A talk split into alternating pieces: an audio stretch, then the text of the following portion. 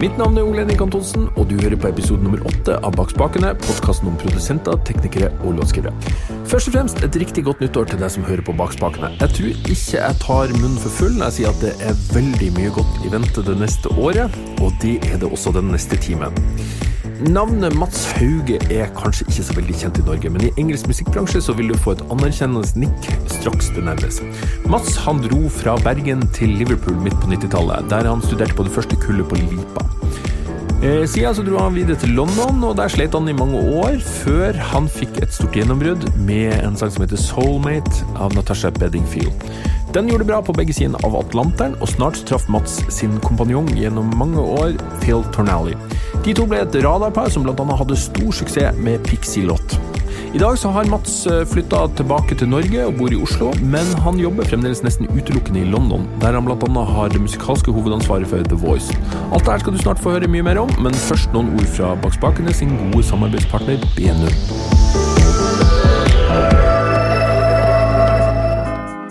Mikrofoner fra Shore finner du i studioer og på scener i hele verden. Men Shore er mye mer enn SM57 og SM58.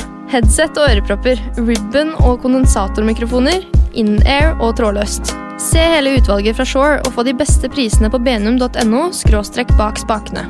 Benum, norsk distributør av lyd- og musikkutstyr.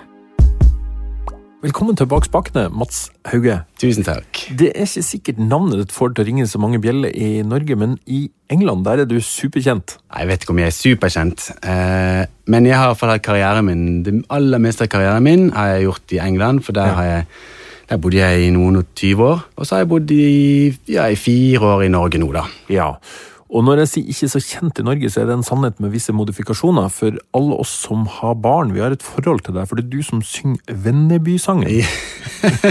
det stemmer for mange år siden, ja. Eller kanskje det er nesten ti år siden, så en kompis av meg som, eh, som startet et TV-program for barn da, som het Vennebyen, og spurte om jeg hadde lyst til å skrive tittellåten, og eh, det gjorde jeg nå.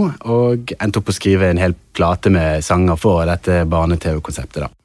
Jeg har vært på show på Hosle fotballbane med Vennebyen. Hørt sangene.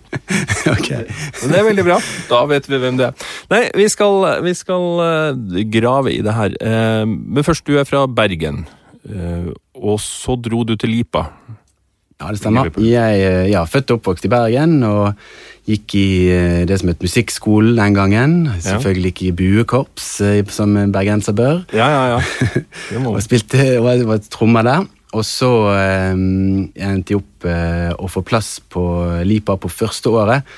Så eh, jeg leste om det i avisen at eh, de skulle ha auditionrunde og sånn i Norge, så jeg eh, hoppet på flyet til Oslo og, og møtte opp på åpen audition. Og så fikk jeg plass da på det første kullet, kan du si, på Lipa. Men da var ikke egentlig ferdig med videregående. Jeg vet ikke hva jeg tenkte, men da skulle jeg egentlig begynne i tredje klasse på gymnas. Ja. Eh, og da, da fikk jeg plass på Lipa, men nå var det sånn at Lipa var ikke helt ferdigbygget, så da tok det tre måneder før vi kunne faktisk starte, så skolestart ble eh, fremskyndet litt. Og eh, det ga meg tid til å gjøre ferdig tredje gym, sånn at jeg fikk studiekompetanse og fikk studielån. Ja. Ja, Så da var jeg i Liverpool på Lipa i tre år, og vi var liksom eh, prøvekaninene der, kan du si. Det var ikke så mye system i sakene, det var mye entusiasme de Ja. første årene. Og de hadde Paul McCartney. Ja da, han lusket nå rundt i gangene der, og eh, de gikk stadig tom for penger. Så jeg husker bare, jeg husker jeg hørte Paul på McCartney i heftig krangel på kontoret til eh, rektor Mark. Støtt og stadig. så da må jeg kanskje fortelle min eh, Beatles-skrytehistorie. Klart du må det. For um, tilbake i to... Nei, dette var 1998. Da drev jeg også sang med fem-seks andre medstudenter fra skolen. Litt sånn kompliserte vokal, a cappella-stykker, litt sånn Take Six og noe sånt. Og eh, av en eller annen grunn så spurte Paul McCartney om vi kunne synge i Linda McCartney sin minneseremoni i London, i eh, St. Martins in the Fields. Oi. Så vi ble spurt om å synge blant annet Blackbird, og vi sang også et stykke fra et av Paul McCartney sine klassiske verk. Og dette er jo i en ganske liten kirke foran 150 gjester eller noe sånt. Selvfølgelig Paul McCartney og familien hans var der, og Ringo og George, som fremdeles eh, var i live da, i tillegg til Peter Gabriel og Sting og Elton John. Jeg vet ikke hva, Det var, det var en veldig rar opplevelse. Så vi endte opp å stå der foran i kirken da, og synge Blackbird, mens vi ser eh, rett inn i George og Paul og Ringo sine øyne. Og eh, underveis også, så sang vi også Let It Be sammen. Og jeg, jeg tror nok det ikke ofte at eh, de tre etter Beatles splittet opp, at de faktisk sang sammen i samme rom. Nei. Og det gikk kanskje ikke opp for meg da hvor spesielt dette var, det at jeg står der og synger Beatles-sanger for eh, tre fjerdedeler av The Beatles. Ja, Så der har vi den. Det er min Beatles-historie. Helt rått. Du, eh, hvilke år var det du starta på, på Lipa? Så vi startet i 1995. var det egentlig Vi skulle starte høsten 95, men så var ikke skolen eh, klar, så da eh, begynte vi januar i 96 istedenfor. Og så gjorde, vi det året kan du si, eh, litt, litt lenger og kortere sommerferie, sånn at vi fikk gjort unna de tre semestrene som de har, da. Ja. Eh, før skolestart begynte på år to i september 2000, nei, 1996. Ja. Nettopp. Men før du dro dit, hadde du noe bandprosjekt og sånne ting i Bergen? Eller hva er den musikalske bakgrunnen utover buekorps? Ja, Buekorps og musikkskole. Det var, um, jeg en av de mange som har gått i TenSing-kor. Og Ja. vært i band i TenSing-kor og, og spilt. Um, og så har vi eh, det, det er jo typisk ja, Vi hadde noe band med, med vennene våre i Bergen. Um, og da fikk vi muligheten å spille på sånn Musikkens dag og den slags. Um, men uh, noe spesielt spennende var vel ikke egentlig Nei, i Bergen. Før jeg flyttet, så var jeg var ikke med på noe sånn så du ville sagt å ja, var du, var du med på det?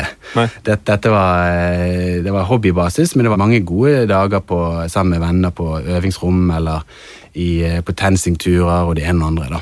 Og det som var fint med TenSing-bakgrunnen, var at de hadde jo en teknisk stab. Så det at, eh, og de, hadde, de var ansvarlig for miksepulten og mikrofonene, og det syns jeg var også veldig spennende. da. Ja. Ja.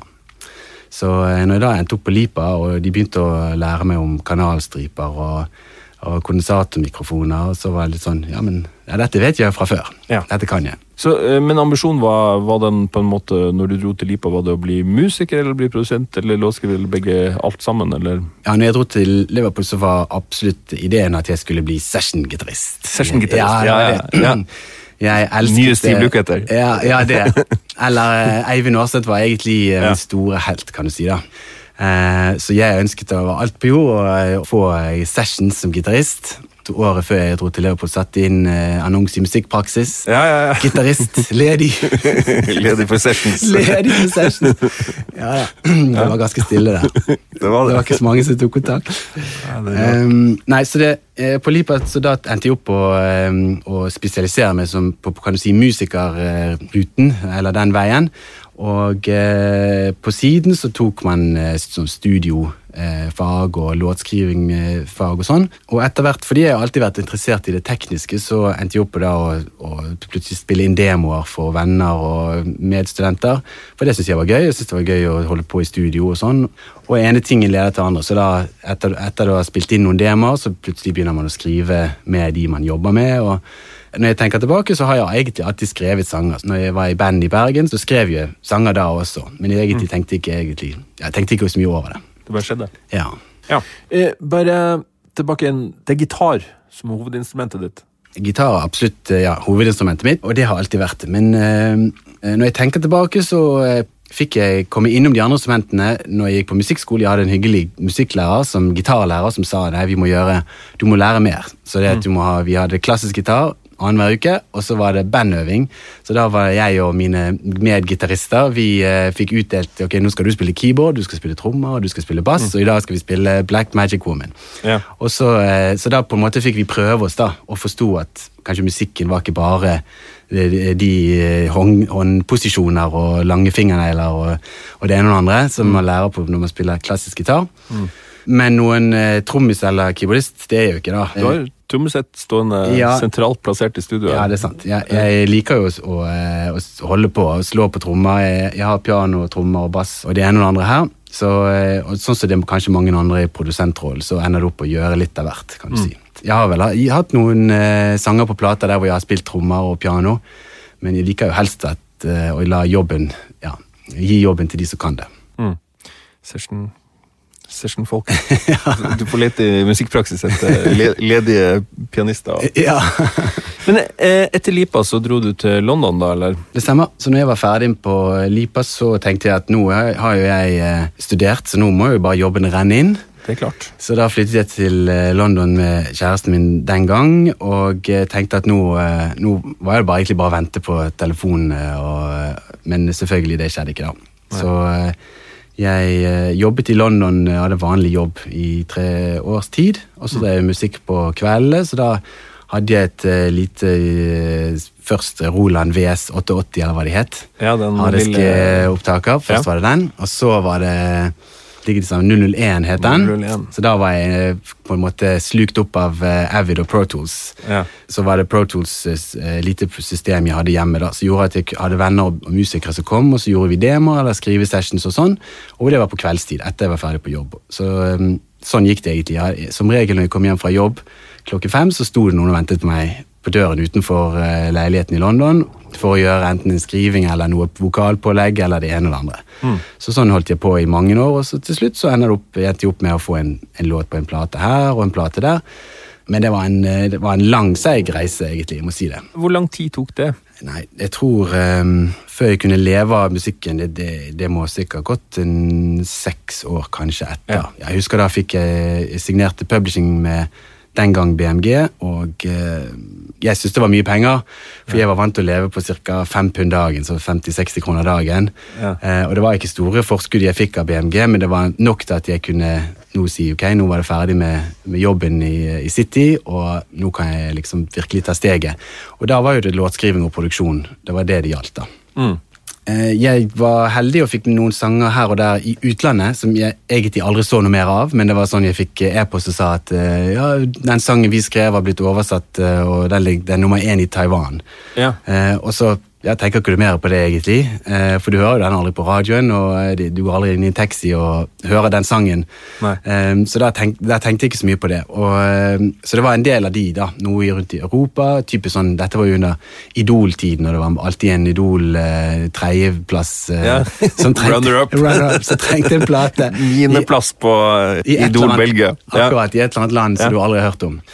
Men det var en fin, fin kanal kan du si da, å få, ja. å få sanger ut. Så det var jo noen av de i tidlig karrieren min.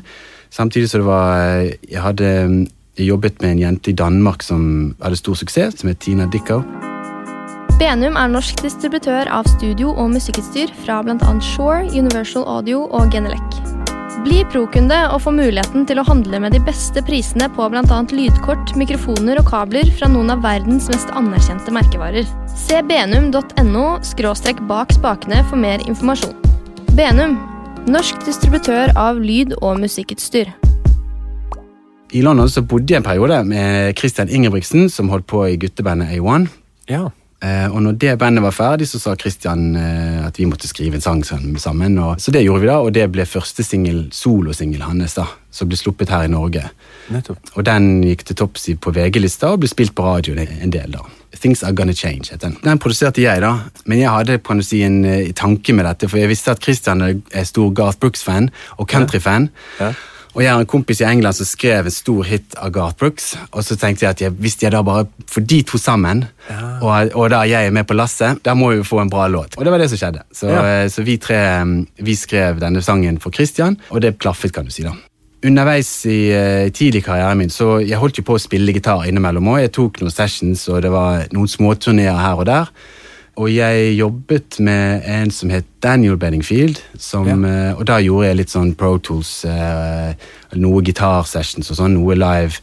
Alltid en TV- eller radio-opptreden som de trengte noen filer og backing tracks eller gitar og sånn. Og så ble søsteren til Daniel signert, Natasha. Hun endte opp å få platekontrakt, og jeg fulgte henne egentlig litt sånn på siden, kan du si. Eh, og så endte opp å gjøre noen gitarsessions og radioturneer. typisk sånn, rundt å spille på radiostasjoner med akustisk gitar. Eh, så jeg gjorde en del av de, og eh, til slutt så tenkte jeg at ja, men søren, jeg må, jo, jeg må jo skrive en sang med henne. kan du si. Vi kjenner hverandre godt, så det skal ikke være noen grunn til at ikke vi ikke kan prøve å skrive en sang. Da fant vi en dag i kalenderen med kompisen som var bandlederen hennes, og min, en av mine bestevenner, Dave. Så hun kom hjem til meg, eh, da hadde jeg studio på soverommet. Ja, Vi satt der og, og prøvde og prøvde, og prøvde, og vi, vi, egentlig skrev oss helt fast. Vi fikk ikke noe i det hele tatt. Det er jo frustrerende som låtskriver, altså du vet jo hvordan det er. Så um, når du liksom prøver å eh, og prøver og prøver, og så liksom det er ingenting som virkelig klaffer. Jeg husker tilbake at uh, hun tok seg en liten pause, hun gikk på kjøkkenet, lagde kopp te eller et eller annet sånn. Eh, og så satt jeg med, jeg spiller gitar og skriver med gitar på fanget, så, og da bare kom hele Soulmate ut. Av en eller annen grunn. Ikke, ikke teksten, da, og jeg hadde ikke tittel, så da sang jeg, sang jeg verset, og så sang jeg refrenget. Og den gangen var det sånn at eh, jeg hadde alltid Macbook, altså den bærbare Mac-en, alltid gikk og tok opp der som en diktafon. Så etterpå så tenkte jeg ja, kanskje dette var noe. Så når hun kom tilbake fra, med te, tekopp i hånden og spurte, liksom, så sa jeg kanskje vi må bare skal gå hjem. Så sa jeg ja, sjekk dette, nå, jeg, jeg har en idé. Og så, så spilte jeg det for henne, da, og så eh, Teksten tok eh, ja, nok en dag eller to etterpå, for den, eh, den jobbet vi med. Men det var en av de få sangene som bare plutselig dukket opp. Ja. fra begynnelse til slutt. Veldig fin. Jeg hørte på den jeg kjørte hit i dag. Ja, ok. Ja. er Supert. Ja, for den lå Lå ikke den ett år på Billboard Hot 100? Altså, kjempelenge, i hvert fall. Det, det kan hende. Altså, den var nok eh, Jeg vet ikke. De, han har hatt et godt liv i Norge, iallfall. Det vet Ja. jeg. Og, eh, og det er blitt en eh, Ja, en fin sang i katalogen min, syns Mm. jeg. Ja. Men det var den første sånn virkelig eh, store du hadde, eller? ja, det vil jeg Ja. si. Ehm, nå er det en ballade, så ballader blir liksom ikke spilt på alle de kommersielle kanalene rundt om i hele verden. You don't have to tell me. eh, Jeg har produsert et par ballader Du vet, ja. i min karriere. Ja. Da vet du hvordan det er. Så det at når du har, når du har, gjort, eh, når du har en hit med en uptempo Ja. og en hit med en ballade, så ser du, kan du si, eh, det er en forskjell på radioaktivitet spesielt. da. Definitivt. Ja, Men det er en som har fortsatt å leve, og Natasha spiller jo den enda på opptredener og, Mm. og den slags. Så mm, ja, det er en sang som eh, jeg blir glad i og takknemlig for. Mm. Phil Thornelly. Phil som jeg endte opp å jobbe med, og jobber med enda i England, eh, han var eh, litt eldre enn meg, han er vel 10-15 år eldre enn meg, og har bakgrunn som lydtekniker i Rack Studios hos Mickey yeah. Most. Så han var med på mange av de tidlig eh, store engelske sånn, eh, pophitsene og som tekniker, og så, så Hot Chocolate, Thompson Twins, det ene og andre da, fra tilbake i tiden. Og eh, The Cure. Eh, ja, og det ledet også inn til eh, plateinnspillinger med The Cure. Og eh, The Cure de sparket bassisten og, og produsenten, tror jeg det var noe sånt. Så Phil endte opp å produsere en eh, plate, og så ledet det også til at han ble på en måte med i bandet. da. Så han dro på turné med de og var en del av The Cure i en periode. Ja, Så det, han kom fra teknikerverden, kan du si, men så er han, han er jo også musiker, så han spiller bass og sånn. Og eh, Phil endte opp da eh, Mickey Most eh, døde, så endte opp eh, Phil å gjøre sitt, eh, sine egne ting, og eh, hadde en stor hit, eh, Natalie Imbruglia, Tårn. Så han skrev og produserte da. Og så Phil har hatt en lang karriere som produsent og låtskriver, og vi sammen så eh, endte opp som et rart, godt par, kan du si da. Ja. Så vi endte opp å jobbe veldig mye sammen. Det begynte med en engelsk eh, ung jente som heter Pixie Lott, som eh, vi, var, vi fikk inn i studio en dag, som vi skulle jobbe sammen med, og endte opp å skrive hennes kan si, første tre singler. da. På, Ja. Og vi var heldige som at to av de gikk til topps i England. Eh, alle tre var mest spilt på radio eh, i England en periode. Så vi endte opp kan du si, å jobbe mye etter det også. For når du har først hatt noen Ja. nummer én i England, så sender jo plateselskapene, og eh, de, de, de, da renner det inn. Du, du må prøve det, du må skrive en sang med denne artisten, og vi har en ny artist, og det ene og det andre. Og film er jo veldig annerledes, og det er kanskje derfor det, det funker også. kan du si. Vi hører musikk veldig forskjellig. Ja. På, på hvilken måte? Nei, si det. Musikksmaken er veldig annerledes. Og det han eh, hører i en sang, det, og det han syns er spennende i en sang, det er ofte det er ting som ikke jeg er oppmerksom på, kanskje.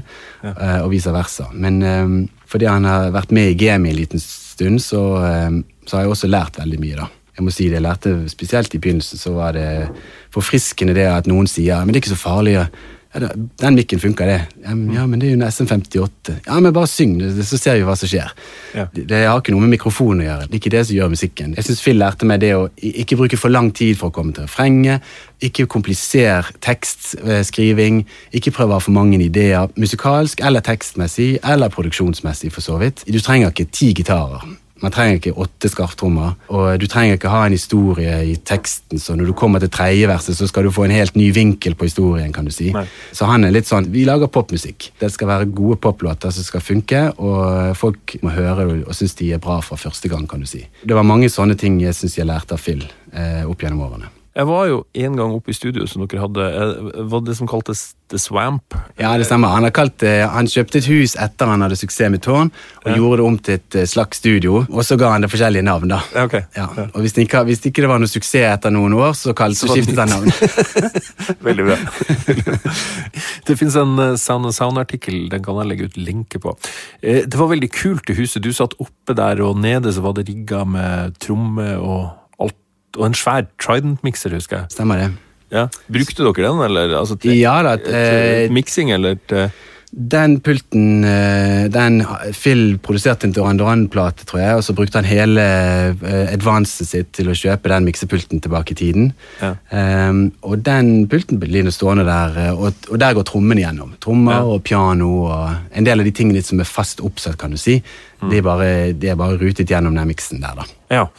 Eh, Pixie-låt, det er litt sånn etter Amy Winehouse, og det er veldig sånn popprodusert, men allikevel så er det ganske mye sånn vintage-element, og det, er, det høres ut som en del element som er spilt. Ja, eh, det er fint. Det, det setter jeg pris på at du hørte. ja. Det må jeg si. Um, akkurat med Pixie, det begynte i eh, Kan du si Inspirert av Amy Winehouse, og Duffy akkurat eh, Ja, også holdt ja, på der. Så det var, kan du si, briefen, da. Soulful eh, pop for eh, en, en, en ung jente. Mm. Eh, så vi begynte jo der i den retningen, og da eh, Alle demoene er bare band, kan du si, så det er Phil og meg som spiller piano, bass og gitar, og eh, egentlig ingen programmering den gangen. Og så var det de, de forskjellige låtene, de tok litt forskjellige vinkler, så da plateselskapet sa ok, vi liker singel nummer én, vi må bare gjøre en liten twist på den, så da endte vi opp på å sende filene til eh, første singel som heter Mamadou. Den fikk Greg Kirsten i LA, så Greg gjorde programmering på, på, på Han gjorde én miks, og så gjorde vi vår miks. Og så gjorde Phil Tan som mikset det, med A&R i rommet. Veldig utradisjonelt, egentlig, da. Men A&R-en sitter da med mikseteknikeren og sier ok, vi vil ha bassen Ja, fra den, ja. fra den Ja. og så vil vi ha handclaps fra den. Eh, og så videre, da. Men eh, vi selvfølgelig gjorde jo vokal og, og strukturen. Så da endte det er noen av disse live-elementene som ender opp i, i disse miksene, kan du si. Og, og det syns jeg gir produksjonen en litt annen dimensjon. ja, det gjør det. Og Phil Tan satt da i Atlanta, eller hvor holdt han til på den? Ja. Jeg tror det, jeg var ikke til stede under miksingen. Eh, Jeg tror kanskje du har rett at uh, Phil Tanny vil lente her. Så andre singel til Pixie, som vi da eh, også hadde på en måte gjort som et band, den eh, ble filen ble overlevert til nestemann, og det var Fraser T. Smith, som på en måte gjorde sin versjon. Og de gjorde det samme da, med, i, i miksefasen helt til slutt, om å plukke elementer, kan du si. Og der er det, litt, der kan du si, det er flere elektroniske elementer, hvis vi skal kalle det det. da. Ja.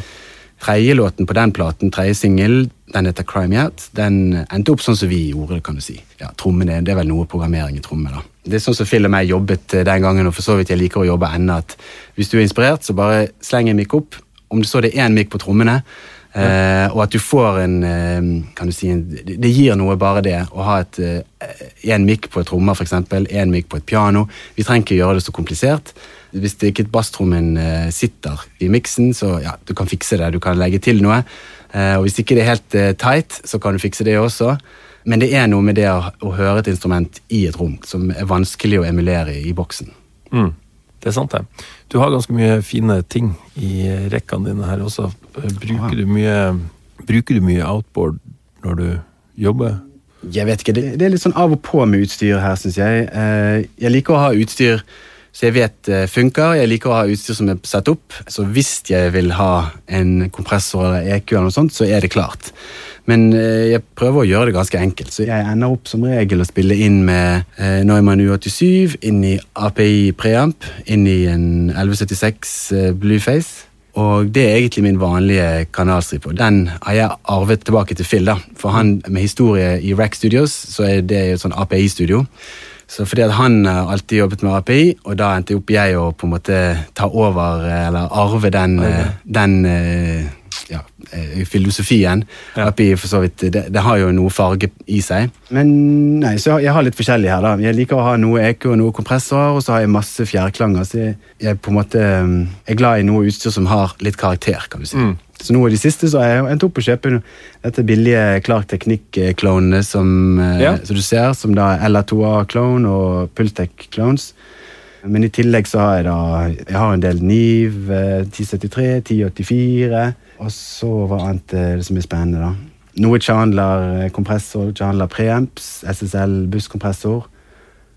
Um, ja, men jeg gjorde noen sanger for en, en ung artist som het uh, Dion Bromfield, som uh, endte opp å bli mikset av um, Tom Elmhurst, heter han. Så, og Tom Elmhurst mikset eh, to-tre låter for oss, og jeg husker jeg var på besøk i studio, og da hadde han akkurat gjort Amy Winehouse-platene, og jeg syntes liksom, hva er dette her? eh? Og han skrøt veldig av denne ene pioner-fjærklangen. Ja.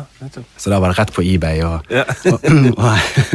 kjøpe en sånn. Den har jo karakter, da, men eh, eh, ja, det, det er definitivt ikke det som gjorde at Amy Winehouse var, Nei var suksessfull. Men, nei, det, det, det var det ikke. Men, men allikevel så, så er det viktig i den der eh, Definitivt. Altså det sound, og det, det var veldig annerledes når det kom. Eh, Ja. altså helt Og jeg var inspirert den gangen også av den eh, filosofien Deptone de, uh, i New York da, som gjorde rytmeseksjonen for uh, Amy Winehouse sin første plate. da. Uh, og de har jo også veldig sånn én mikk, en, Ja. kanskje to mikker på trommene, Ja. mic mikk på pianoet, liksom. Ja. Så jeg var veldig inspirert av det.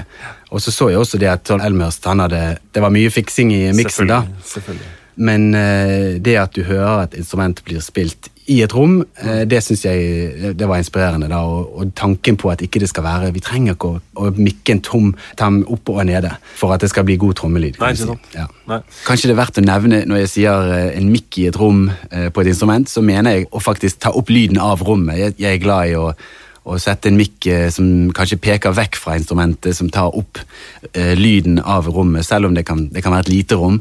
Jeg, jeg er glad i å høre den dimensjonen det, det gir. Eh, og i miksingen så syns jeg det er gull verdt ofte å ha kanskje en kanal som eh, Den mikken som er fem meter unna piano eller, eh, ja, eller trommen, eller hva det måtte være. Jeg, jeg tror det er noe vi virkelig trenger nå, det å begynne å høre instrumenter og rom, som du sier. For når, i den EDM-svengen som har vært nå, så syns jeg det har vært Det er veldig mye programmert, og jeg er veldig glad i programmert musikk, men nå har det vært det har vart så lenge. Jeg vet ikke, jeg er glad i all slags eh, musikk, og jeg, jeg, jeg, også, jeg blir inspirert av å høre på mye av det moderne også. Men det er jo fint å ha eh, hele bredden der, kan du si. da. Det synes jeg, eh, Og ofte de rockeplatene jeg setter mest pris på, det er kanskje de som har blitt spilt inn kanskje enklest, og der hvor de finner energien, mer enn de, de perfekt innspilte platene med perfekt lyd. De platene der alle har vært uvenner og krangla mest mulig. De, blir best. Ja. Ja, Jeg har ikke vært med på mange av de platene. Takk og pris, egentlig. altså. Jeg liker ikke dårlig stemning i studio. nei, nei. nei, men det er bare sånn, Hver gang du leser om altså, Eagles Hotel California, liksom bare sånn, det var et helvete for alle involverte. Ja, ja. men eh, det virka. Ja, det har vært mange strupetak Ja, i, eh, det. i studio. Du, hvis vi pensler litt inn på låtskriving og sånn. eh, Du snakka litt om det når dere skrev Soulmate på soverommet. Men hvordan blir sangene dine til? De sangene du er med på? Låtskriv for meg det begynner som regel med gitar på fanget. Og kanskje høre, høre på noe musikk. Først er det jo å snakke med Hvis vi jobber med en artist, eller jobber med en artist, så er det å snakke med personen og høre hva er det de eh, er interessert i. Hvem er det de ønsker å være? Hva sier stemmen, osv. Og ofte så kommer jo en artist med en, en stil eller en idé eller en, en bakgrunn og sier at nå eh, ja, enten plateselskapet ønsker at jeg gjør dette, eller at jeg eh, er veldig eh, opptatt av denne type musikken og sånn. Og det gir kan du si, en slags pekepinn på ok, nå, nå er det her vi, det er denne, dette landskapet vi eh, opererer i. Og som regel så begynner det med gitar på fanget for meg. Ofte er det en sangtittel som er begynnelsen. Så det at vi sitter og tar en kaffe kanskje i begynnelsen av session og bare prater, og da ender jeg kanskje opp og sier du det? det hva sa du nå? Ja. kanskje den, eh, det, det hadde vært kanskje en grei tittel på en sang. Hva, og i så fall, hvis dette er tittel, hva kunne denne sangen handlet om? Og det, egentlig for meg handler det bare om å ha et lite et frø. Bare starte prosessen, kan du si. Når vi da har en, kan du si, en sangtittel, det kan hende at ikke det ender opp å bli sangtittel, det kan hende at ikke den delen ender opp å være en del av sangen, men i alle fall da har du noe å, å skrive ut ifra. Hvis det er sånn at vi begynner med en sangtittel, hvordan ville du sagt det, hvordan ville du sunget det? og hva er det da denne sangtittelen sier eh, av en historie? Hvor kan vi ta dette videre? Så da er det jo bare egentlig å fylle i uh, fill in the blanks. Så uh, finne noe som passer uh, melodisk, og holde det enkelt. Om det repeteres en tekst tre ganger, så er det greit. Og eh, vi trenger ikke å ha et langt andre vers eller et langt tredje vers. Vi, vi kan holde det enkelt. ja. Det er et godt uh, triks. Ja, men eh, da, så det, det blir å få en idé, låten uh, i noenlunde en skisse. Kanskje når vi har skrevet et vers og et refreng, så kan vi kanskje sette noe, på, sette noe i Pro Tools, og kanskje en gitar og en bass, eller bare et eller annet, som gjør at vi kan kanskje høre hvordan det høres ut. Eh, og da er det bare å bruke ti minutter på en, eh, et raskt track, og så eh, synge til, og da hører vi, ok, er dette noe, eller er det ingenting? Og jeg synes ikke vi skal være for fin på det at hvis vi har brukt tid, og det ikke funker, så trenger vi fortsette å prøve og prøve og få det til å funke. Hvis det ikke funker, så la det bare ligge. Så kan vi heller prøve en ny idé. Mm. Du, du får det opp til å stå i løpet av to-tre timer, da, eller noe sånt? Eller, eh, Kanskje noe sånt. Ja. Ja. det, det ville vært kanskje typisk eh, Jeg husker tilbake mange, mange dager der vi har begynt om morgenen. Vi, vi prøver, vi skriver noe, vi har fått et vers og et freng, vi har fått eh, en røff røff demo av det, eller vi har en innspilling av det. Så tar vi lunsj, så kommer vi tilbake så sier vi nei, men dette, vi kan gjøre bedre enn dette. Ok, Vi lar den ligge, så prøver vi. Og så da begynner vi på en ny idé etter lunsj. Og, og da, da hender det at vi får en hel, en hel låt, kan du si. Eh, skrevet en låt og eh, spilt inn eh, vokal, da. Der og da. Ja. Ja. For det er jo det som er, jeg føler er, er målet på en sånn dag. Ofte har man bare artisten i rommet i én dag, da. Ja. Så da må man bare få det meste ut av det. Så da eh, må, må du bruke mindre tid på produksjon og sitte og fikle med trommelyder, og mer tid på bare å få en, en god vokal. God vokal. Ja. Og etter det, da, så når artisten er borte, da Og så er det å eh, lage demoen, kan du si. Og jeg tror kanskje når jeg ser tilbake, så har jeg brukt for mye tid på, Ja. på demoer. Det tror jeg er ganske vanlig. Ja, jeg kan sikkert sitte en ukes tid og gjøre en demo. Jeg er ganske nøye med vokal, og jeg syns det er gøy eh, og jeg synes det er viktig med å ha en bra vokal. Så da, hvis jeg har ti takes på vokal, så kan jeg sitte og klippe og lime en stund. Og så er det da å finpusse og flytte på ting. Sørge for at eh, alt sitter rytmisk og eh, musikalsk og i det hele tatt. Og at alle adlibsene og alt funker sånn som jeg synes det bør høres ut. da. Så eh, jeg kan gjerne sitte en halv dag eh, og klippe vokal for en låt. Lett. Så da ender jeg opp og gjør det, og, og mikser demoene gjør jeg som regel også, da. Så, Mm. ja. Mikser du sjøl på produksjon og sånn, eller er jeg, jeg liker egentlig ikke å gjøre det, men jeg har jo endt opp på å mikse ganske mye. Ja. Jeg ender opp å, eh, å være for kritisk til meg selv. Jeg syns ikke det typisk sånn jeg skrur ned gitaren jeg har spilt. For jeg synes, det, var ikke, det er ikke så bra. Jeg skulle ønske at det var noen andre som spilte gitar. Eh, typisk eh, sånne ting. Og når jeg hører tilbake på miksene mine, så tenker jeg jeg tror det er mange som er flinkere enn meg til å gjøre det. da. Men det er ikke alltid budsjetter det er til, eh, til miks. Så, og noen ganger så blir jeg gitt miksejobber. Mm. Så Hvordan liker du det? Å få helt andre ting? jeg syns egentlig det er ganske gøy. Ja. Ja. hvis jeg da ikke har vært med på skrivingen eller produksjonen og ikke spilt noe, så da har jeg på en måte en litt annen rolle, og jeg føler jeg kan eh, takle jobben på en litt annen måte. da. Hvordan angriper du en sånn miks, typisk, når du, hvis du får inn en session? Jeg pleier vel å begynne bare å høre på hva er det blir gitt. Bare det å trykke play på multitracken og se hva som, se hva som er der. Uh, og da er det ganske tydelig med en gang hvor i landskapet dette, dette bør være. Uh, og hvis det er live trommer eller live bass, så er det noe som Ok, hører, her må jeg fikse noe, eller dette, det, det, nå er det trommene og, piano. Det er, de som, det er det som er viktig i denne sangen her, eller Men eh, vokal, selvfølgelig. Det, det er jo kanskje det aller viktigste.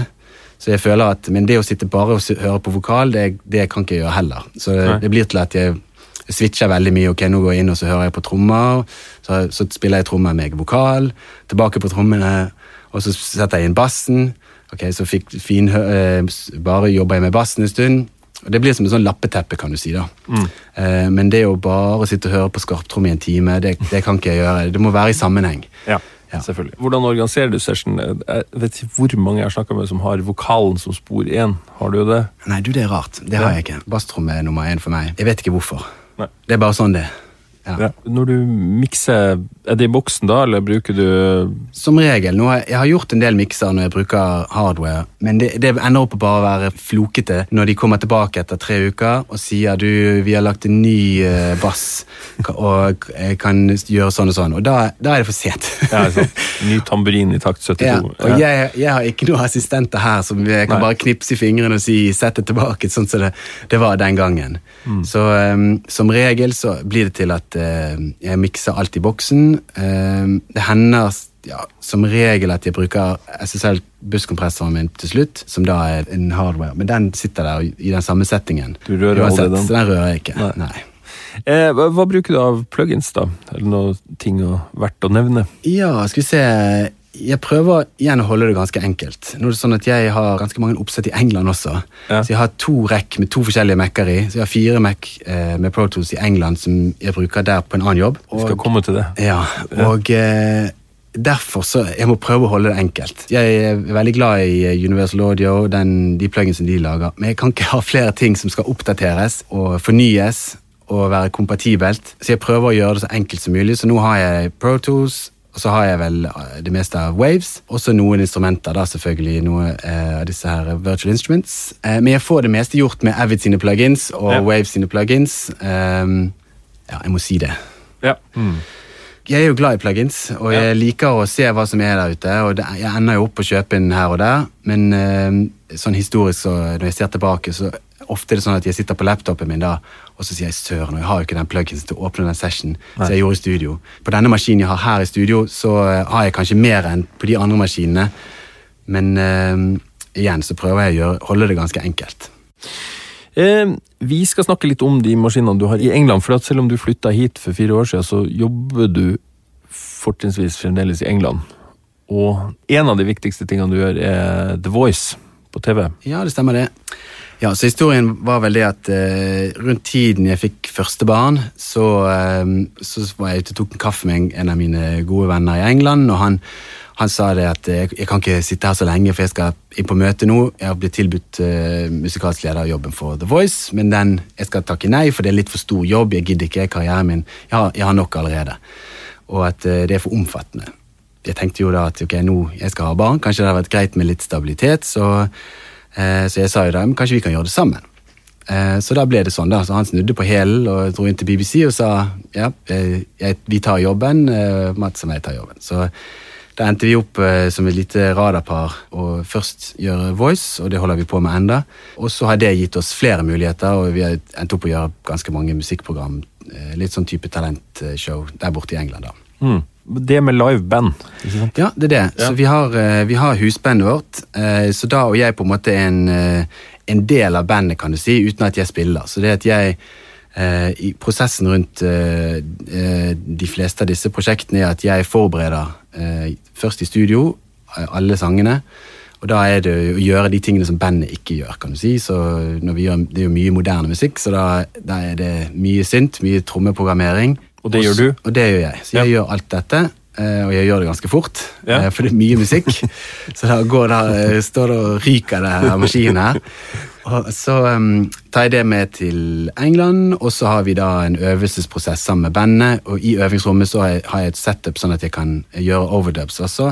Så da blir det mye gitar, eh, spesielt gitar, da. Noe sånn handclaps. Eh, og det hender at vi står og korer og gauler og synger løs. Og um, noe keyboard, så det hender at da vi har to keyboardister, men at da hvis de sier at ok, én spiller Hammond, en annen spiller piano, så tar vi noen stryker over dubs. Den type ting. Så da har jeg setupet til å gjøre det.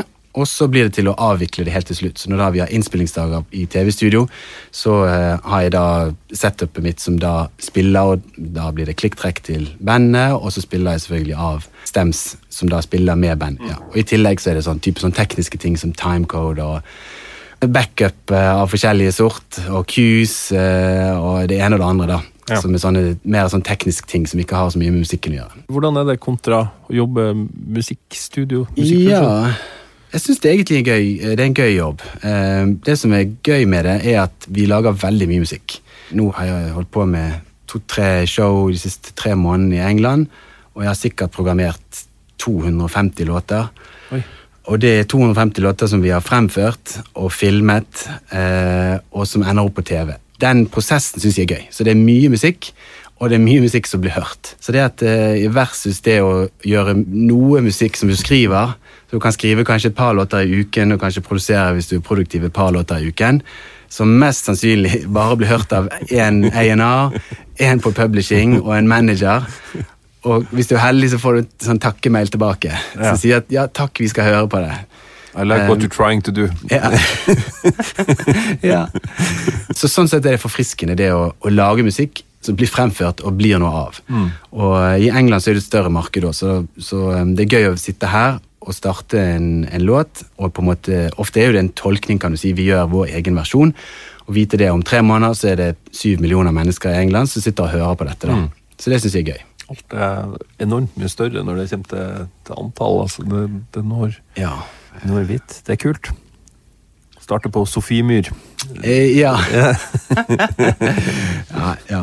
Du har produsert noen av de eh, vinnerne og sånne ting. Så Ja. ja. I de siste årene så har jeg endt opp eh, å få produsentjobben for vinnersingler. Jeg tror kanskje det er av eh, mest praktisk, fordi at vi er der i TV-studio, og at disse sangene som de fire finalistene i hvert show, de, eh, vi har ikke tid til å gjøre Nei. så mye annet. For de skal ut på De er opptatt, eh, ja, og de Ja. skal, låten må være klar kanskje tre dager før finalen er på TV, og da skal alt være ferdig. Og vi vet jo ikke hvem som er i finalen, kanskje ja, seks dager, syv dager før denne finalen. Så da har jeg eh, to-tre dager på å gjøre fire vinnerlåter, eh, i tillegg til å øve da med bandet, for det skal jo også øves eh, for finalen. Ja. Eh, så da, da har jeg noen eh, skikkelig lange dager på jobb. Så da er det først eh, sitte og øve på eh, scenen, og da er det også sånn at da trekker jeg bandet og sier ok, nå skal vi gjøre plateversjonen. Nå har vi gjort den 90 sekund-versjonen som skal på TV. Nå må vi sette vi til side et par timer, så, gjør vi band, så spiller jeg inn bandet for plateversjonen, som ofte da er kanskje rundt tre minutter. Og når det er gjort, så løper jeg opp, setter opp et studio eh, i eh, omkledningsrommet, i dressing room. Eh, raskt setter sofaen opp etter veggen, lager en eh, veldig primitiv vocal booth, og så er det bare inn med sangene én etter én. Og da er de utslitt og trøtt, og det ene syter og klager. så da må du bare gjøre det beste ut av det. Og så eh, blir det til at jeg sitter oppe et par netter og klipper og limer og prøver å gjøre, gjøre noe ut av det. Ja. Og så blir det sendt til miks, takk og lov. Og så er det da den vinneren, det er den som på en måte blir, blir bare sluppet. da. Så da er det som regel tre sanger som det aldri skjer noe, eh, Nei. skjer noe med. Og det er ulike sanger? Eller? Det er ulike sanger. Det vil si, det har variert litt eh, fra år til år hvordan de plateselskapet ønsker å gjøre det. Noen ganger er det den samme sangen, og så har vi måttet tilpasse kan du si, sjangeren til den sangeren som skal gjøre sangen.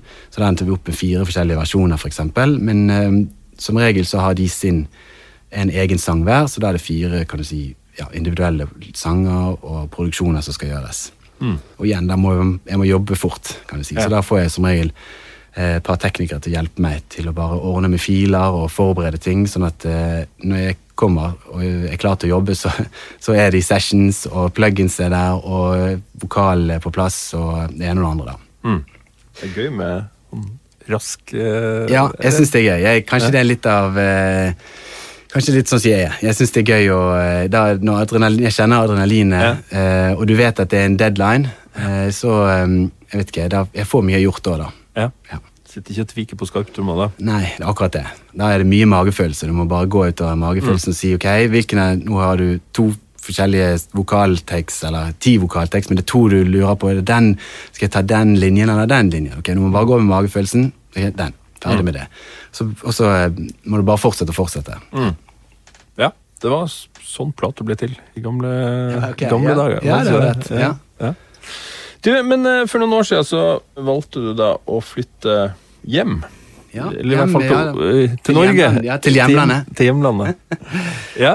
Eh, ja, da, det Jeg lurer på hvorfor, men eh, det er, det er veldig fint å bo i Norge, og vi trives godt her. Så eh, jeg har eh, Da jeg begynte å få barn, så, så tenkte vi liksom, meg og min kone, at ja, hvor, hvorfor skal vi bo midt i grøten i London, liksom? For min kone er fra Sør-Afrika, og jeg er fra Norge, selvfølgelig, så det er greit å være nærme, nærme noe familie. Så da endte vi opp å, flytte til Oslo her, og jeg har søsken som har familie her. Og nå har jeg tre barn som går i barnehage og skole, og trives veldig godt her. Men nå er det, det er litt mye reising, da, frem og tilbake til England. ja. Så, hvor, sånn hvor mye er du i England i løpet av et år? Jeg er der kanskje tre-fire måneder i året. Ja. Ja, så det er litt, eh, akkurat nå er det litt for mye. Så jeg prøver å trappe ned, men dessverre de siste årene har det bare blitt eh, det motsatte. ja. Ja, Så, få deg få deg noen jobber her hjemme, vet du. ja det er akkurat det. Så eh, jeg, jeg er veldig klar for å være mer i Norge, altså. Det må jeg si. Ja. Du vurderte aldri Bergen? Jo, vi gjorde jo egentlig det, men eh, nå ble det Oslo, da. Ja. Og vi har det fint her, egentlig. Ja. Mm. Jeg er veldig glad i Bergen, eh, og mine foreldre bor der, men jeg har søsken som bor her i Oslo, så de, eh, mine barn har fettere og kusine eh, Ja. her i Oslo, da. Så vi syns at det nettverket ja, er noe er verdt å ta vare på. Det er bra. Du har også vært en del ute og spilt, men ikke helt ukjent canadier. Ja, jeg har jo alltid på en måte syntes det var gøy å spille gitar. Ja. Eh, Så jeg opp eh, gjennom alle årene mine i England så har jeg gjort en liten turné her eller en session der, men de siste årene så har det vært litt spilling med Bryan Adams, ja. Eh, For Bryan har alltid hatt sitt band, kan du si. Han har, ja. Er de tre gutta, eller nå er det vel to gutter, da. Trommisen og gitaristen. Men de bor jo i Amerika og Canada, hele bandet er basert der borte. Så når Bryan for noen år tilbake skulle gjøre noe promo, så gjennom kompisen min Phil, da, som vi snakket om tidligere Brian sa til Phil, som de kjenner hverandre fra gamle dager, og sa at du eh, har lyst til å spille Kanskje du kan hjelpe meg på noen radiojobber, sånn at det, det er ikke bare akustisk gitar. For Brian er vant til å bare gjøre opptredener med seg selv på sånne radio- og TV-jobber. Men så endte vi i alle fall opp med å eh, gjøre et par eh, Var det radio? Ja, Først eh, noen radioopptredener, og da var det Phil på bass, jeg spiller gitar, og så en kompis av meg, Ash, som spiller trommer. Eh, og det syns Brian var veldig gøy. Så vi sitter og øver i bitte lite rom, helt akustisk. Eh, Og det hadde ikke Brian gjort sikkert på, eh, ja, siden han var eh, ung. Ja. Så han syntes det var veldig gøy og inspirerende, så vi endte opp å gjøre mye forskjellig sammen. Eh, og da er det å spille og kore og, og som bare det. Og det ledet videre til andre ting, så da endte jeg opp å gjøre noe miksing for Brian, og han ville ha med meg på noen plate med hjelpe sånn teknisk på noen ting. Så det, det hender at det dukker noe opp eh, noen småjobber fremdeles da med Bryan Adams, men, eh, og det syns jeg er stas. Jeg, jeg er jo fan av han. Så jeg, ja, ja. jeg husker første gangene når vi satt i øvingsrommet, så jeg tenkte liksom wow, du høres utrolig ut som Bryan Adams. ja. Ja. Og han har det han, han har det fremdeles. Ja. Så eh, det er imponerende mm, hvordan han gjør det. Ikke noe oppvarming. Han drikker ikke noe vann på konsertene. Ingenting. Han bare går på scenen, så kremter han. og så synger han i tre timer. Ja, det er eh, Bruce Springsteen-greia. Ja. Altså, sånn der, bare sinnssyk energi. Men han har også en utrolig fin låtskriver, altså, syns jeg. da. Altså, eller alt, eller det, Veldig eh, Ja, for en katalog. mm. Så um, Nei, det har, vært, det har vært veldig gøy og veldig inspirerende. Mm. Ja, og, og, eh, og det å komme tilbake til gitaristrollen, det syns jeg også er gøy, da. Ja. Men eh, det tar meg et par dager å, å liksom eh, flytte hodet mitt inn i pedaler og forsterker og strenger og, og fing, få fingrene til, på plass igjen og sånn, da. For jeg så litt sånn over, eh, over eh, Om det var på nettsida di, eller om det var på den der eh, hva heter det, Oldisks eh, du, du har jo masse credits også som, som musiker. Eller du har jobba med utrolig mye forskjellige artister. Ja.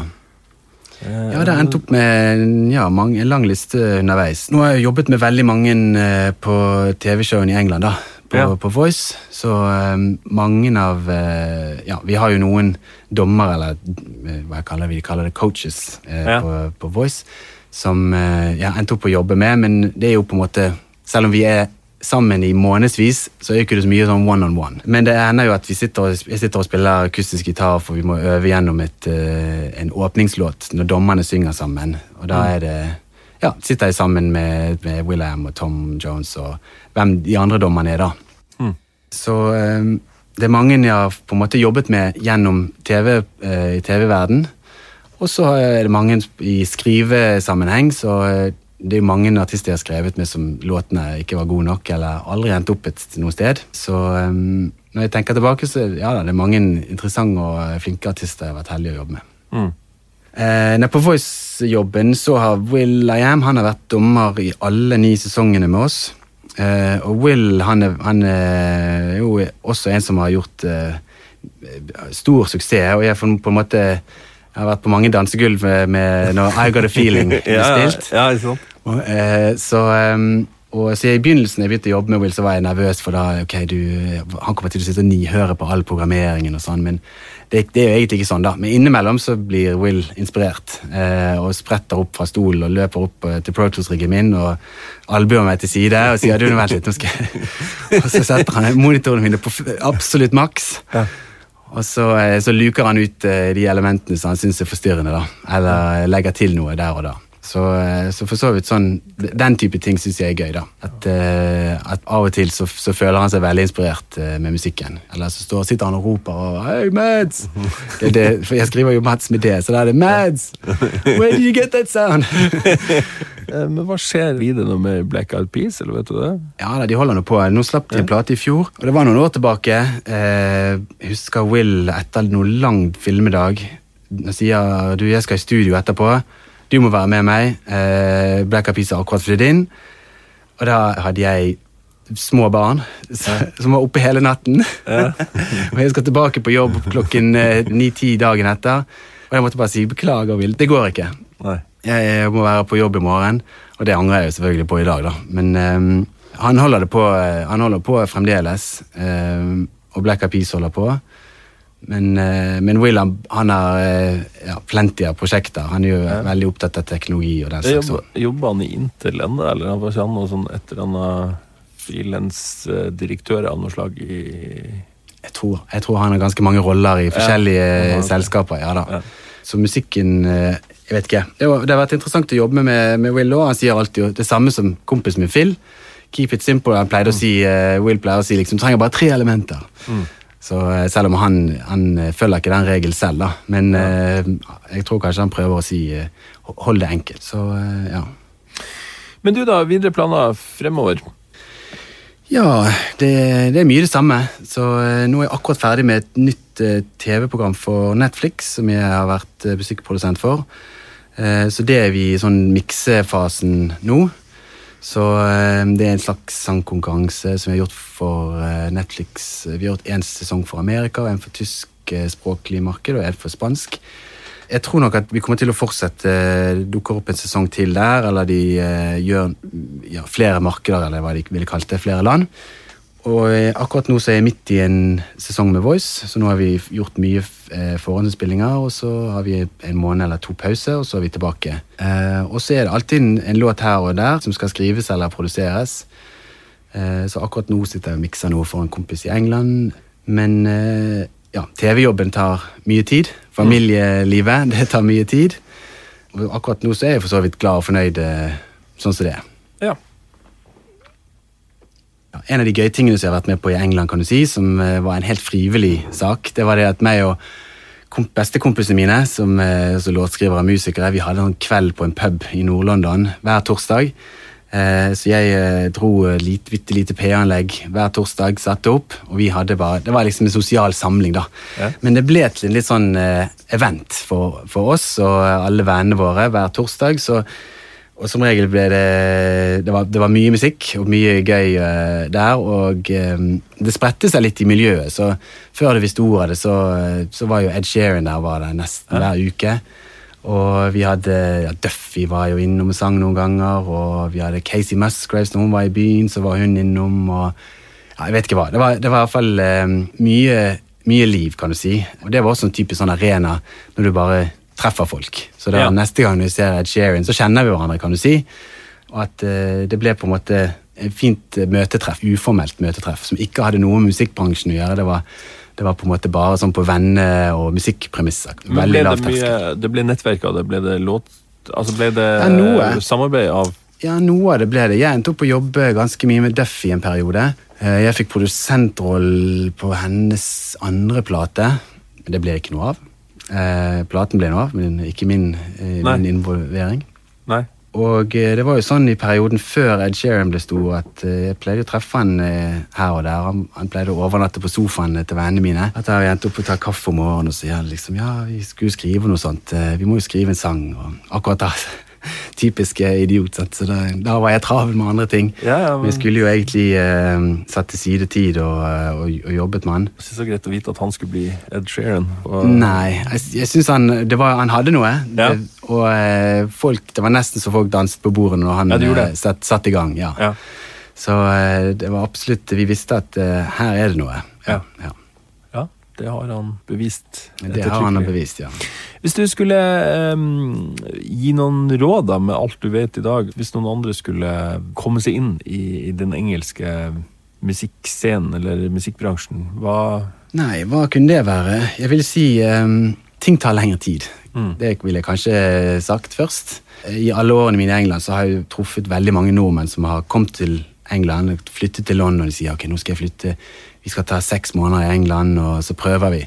Been there, done that. Eh, Ja, og jeg tror det er ganske det er mye verdi i det. Å flytte ut og prøve seg og, og vise musikken til folk som ellers ikke ville hørt musikken din, og, og spille på nye steder eller møte folk og få nye impulser. Så jeg tror det er veldig viktig. Men eh, jeg tror man må Man kan ikke ha forventninger om at man skal flytte et sted, og at det skal bare løse seg. Jeg tror nok det har i historien så har det skjedd, men uh, for meg så var det virkelig ikke sånn. Og jeg tror kanskje rådet er å ja, Hvis du skal lykkes i England, så tror jeg det har mye med kulturen å gjøre. Det at vi kan snakke engelsk, det, det er en god eh, start. Men uh, engelskmenn, de er noen raringer.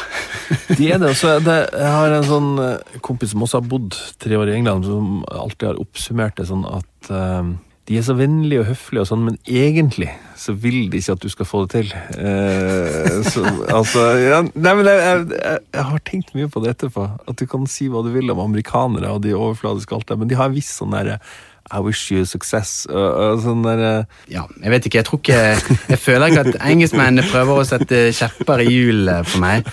Men eh, det er en annen kultur da, enn i Amerika. Og jeg har vært litt frem og tilbake til LA eh, og jobbet, men eh, jeg føler der det er en, en veldig annerledes kultur. Ja. Så eh, det har vel kanskje litt å for, prøve å forstå kulturen der, og litt mer enn bare språket, kan du si. Hvis du kan være komfortabel i et skriverom med en engelskspråklig artist, og de føler seg komfortable med deg, så da har du kanskje et bedre utgangspunkt. Men råd, det gjelder bare å skrive hvis du skal være låtskriver. Man må bare skrive og skrive. Jeg tror nok jeg skrev sikkert 200 låter og produserte 200 demoer før jeg fikk noe som helst eh, utgitt. Man lærer jo mye av å skrive med eh, andre låtskrivere eller artister. Så det var jo på en måte min skole, og det å jobbe og jobbe med andre. Du plukker jo opp noe her og der. Og når det kommer til produksjon, så eh, er, det, er det ganske mye likt. Man må, bare, man må rett og slett bare jobbe, men eh, man også må gjøre ferdig ting. Og det rådet gjelder både låtskriving og produksjon. Så det å få ting gjort, få ting ferdig, ikke sitte og vikle på ting i månedsvis og, og si at ja, men nå er låten snart ferdig, men jeg skal jobbe nytt, litt mer på bridgen. eh. Få, få det gjort, gjør neste låt. Få det gjort, gjør neste låt. Det samme gjelder produksjon, vil jeg si. da. Eh, Men så er det business-siden av dette. Det jo, eh, du kan jo skrive de beste låtene, men må, man må jo få det ut. Man, noen må jo høre det. Så eh, det å ha et nettverk, det er, jo, det er jo gull, kan du si. Når jeg har hørt på de andre podkastene du har laget, så er jo det, det er noe felles med mine kollegaer. Det er jo at det er noe nettverking som, som skjer også på siden av det musikalske. Det at man treffer, man kjenner noen, man har venner i bransjen som sier en gang ja, han, Ole Henrik hadde vært bra til dette prosjektet, eller eh, jeg traff han i går, det er det sant at du kunne jo vært med på det, eller mm. Har du noe management eller noe sånt som jobber for deg, eller? Nei, ikke akkurat nå. Jeg var jo eh, jeg var med Universal Publishing i England, eller basert i England, da, eh, i 15 år eller noe sånt. Så, eh, men det, der er ikke lenger. Og eh, det dukker opp stadig sånn spørsmål. Du skulle, skulle ikke vi eh, funnet ut av noe med en manager her eller der? For jeg kjenner jo mange. Men eh, nei, jeg har ikke, jeg har ikke helt funnet ut av det ennå. Du er litt Du drifter det sjøl, du. Ja, jeg gjør for så vidt det. Ja. Nå er jo det en del av tingene jeg gjør som på en måte drifter seg selv, men jeg tror nok det hadde vært lurt for meg å ha funnet noen som kunne kanskje finne, åpne noen dører her og der. da. Du, Mats, det er på tide å begynne å runde av. Ja, så bra. Takk for praten. Og tusen takk skal du ha. Det var Mats Hauge. Hvis du vil vite mer om han, så kan du sjekke ut nettsida hans som heter matshauge.com. For meg så gjenstår det bare å takke Benum som gjør det her mulig. Driver du ditt eget studio som et foretak, så kan det hende du kvalifiserer som proffkunde og kan få kjøpe direkte fra Benum til nettopriser. Det er det mye å spare på. Du finner ut om det er mulig ved å gå inn på benum.no skråstrek bak spakene og søk om å få bli kunde. Sitter med mobilen og lytter på Apple Podkast nå? Da er det i så fall kjempefint om du legger igjen en rating. Da vises bakspakene bedre i iTunes. Legg også gjerne igjen en kommentar om hva du syns. Følg Bakspakene på Facebook, Instagram og Twitter, og gå inn på bakspakene.no og registrer deg for nyhetsbrev, så er du oppdatert når det skjer noe nytt. Mitt navn er Olenik Antonsen, og vi høres neste uke.